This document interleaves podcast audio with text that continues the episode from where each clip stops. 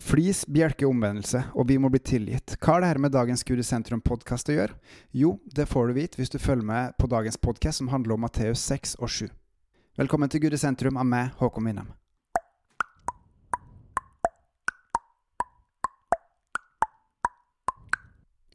På slutten av Jesu bergpreken, i kapittel 7 vers 28, står det Og det skjedde da Jesus hadde endt denne talen, da var folket slått med undring over hans lære.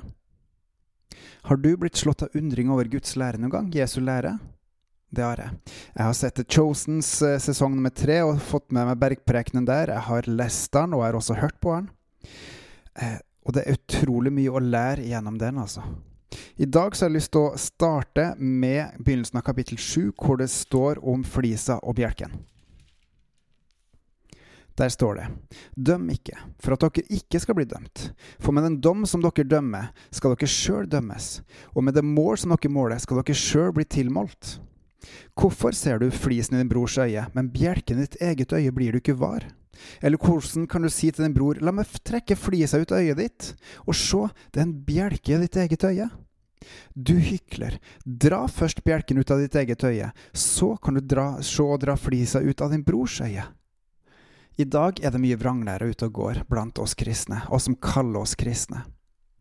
Og noen har tilsynelatende en veldig stor flis. Jeg vil egentlig kalle det bjelke sjøl, men i minst en flis i øyet sitt som gjør det at de ikke klarer å se tydelig. For eksempel, har Adam og Eva levd? Nullifiserer man de to, så nullifiserer man hele Bibelen. Da nullifiserer man evangeliet. Men det kan faktisk hende at jeg og mange andre av oss har en bjelke i vårt eget øye som egentlig gjør til at vi burde sett på denne bjelken før vi prøvde å ta ut flisa hos andre. For bærer vi frukt? Lever vi et liv etter Guds ord? Eller lever vi først og fremst for oss sjøl, og så for Gud når det passer? La oss gå til kapittel 6, vers 19. Samle dere ikke skatter på jorda, hvor møll og rust tærer, og hvor tyver bryter inn og stjeler, men samle dere skatter i himmelen, der verken møll eller rust tærer, og tyver ikke bryter inn og stjeler. Hvor er min og din skatt?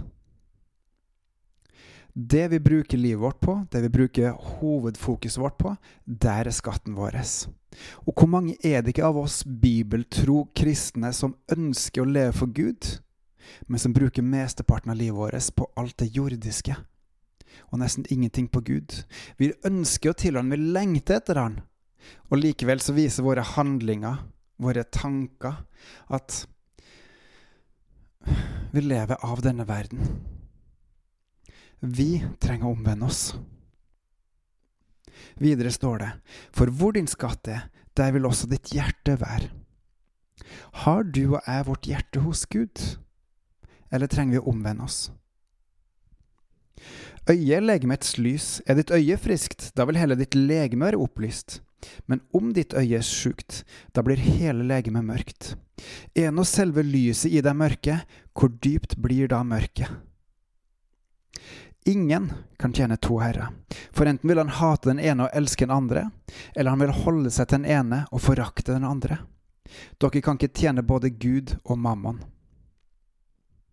Hvis vi ønsker å tilhøre Gud, hvis vi ønsker å følge Gud, hvis vi ønsker å kjenne Han, så kan vi ikke le for oss sjøl. Vi kan ikke le etter denne verdens regler. Vi må følge Gud. Vi må oppsøke Gud, vi må gå til Han, vi må være med Han. Vi må prioritere Han først. Vi må be, vi må elske, vi må lese i Hans ord, vi må lytte til Hans Hellige Ånd, og vi må sammenvokse med hovedfokus på Guds rike. Og selvfølgelig også i tillegg dette, dette riket, denne jorda. Men først og fremst Gud. Hvor er mitt og ditt hjerte hen? Er det først og fremst for Gud, eller har Gud fått andreplassen? Men det finnes håp. Og Jesus er full av håp, uansett hvor du er hen, uansett hvor vi er hen. Og han sier blant annet, derfor sier jeg dere, vær ikke bekymra for livet, hva dere skal spise og hva dere skal drikke, heller ikke for legemet, hva dere skal kle dere med. Er ikke livet mer enn maten, og legemet mer enn klærne? Og en del vers etterpå så står det, søk da først Guds rike og hans rettferdighet, så skal dere få alt det her i tillegg, som blitt lista opp i overkant. Gud først, Guds rettferdighet først, og så det andre som nummer to. Og Jesus stopper ikke der. Han sier, be, så skal dere få. Leit, så skal dere finne. Bank på, så skal det bli lukka opp for dere. For hver den som ber, han får. Den som leiter, han finner. Og den som banker på, skal det bli lukka opp for. For når da dere som er onde, vet å gi deres barn gode gaver, hvor mye mer skal ikke da deres far i himmelen gi gode gaver til dem som ber han? Ber du Gud om gode gaver? Ber du Gud om å få vokse i Hans rike? Ber du Gud om hjelp til å sette Han først og Hans rettferdighet først? Så begynn nå. Og hvis du gjør det, mas mer. Som dama som maste på dommeren som ikke ga henne rett. Mas på Gud, be Han om og om igjen hver dag. Gud, hjelp meg. Jeg vil ha deg først og din rettferdighet først. Fordi du fortjener det. Du er hellig. Og til slutt, gå inn gjennom den trange port. For vi er den port, og bred den vei som fører til fortapelsen, og mange er de som går inn gjennom den. Vi må ikke være blant de. For trang er den port, og smal er den vei som fører til livet, og få er de som finner den. Og skal du finne den, så må du be, banke på og leite hos Gud. Bebels til Guds ære på gjenhør. Og by the way, her i høst, i midten av november-ish, så på inspirasjon av en venn, så ba jeg en ny bønn. Når jeg ba for visse konkrete personer, så spurte jeg en hellig ånd hva skal jeg be om for denne personen.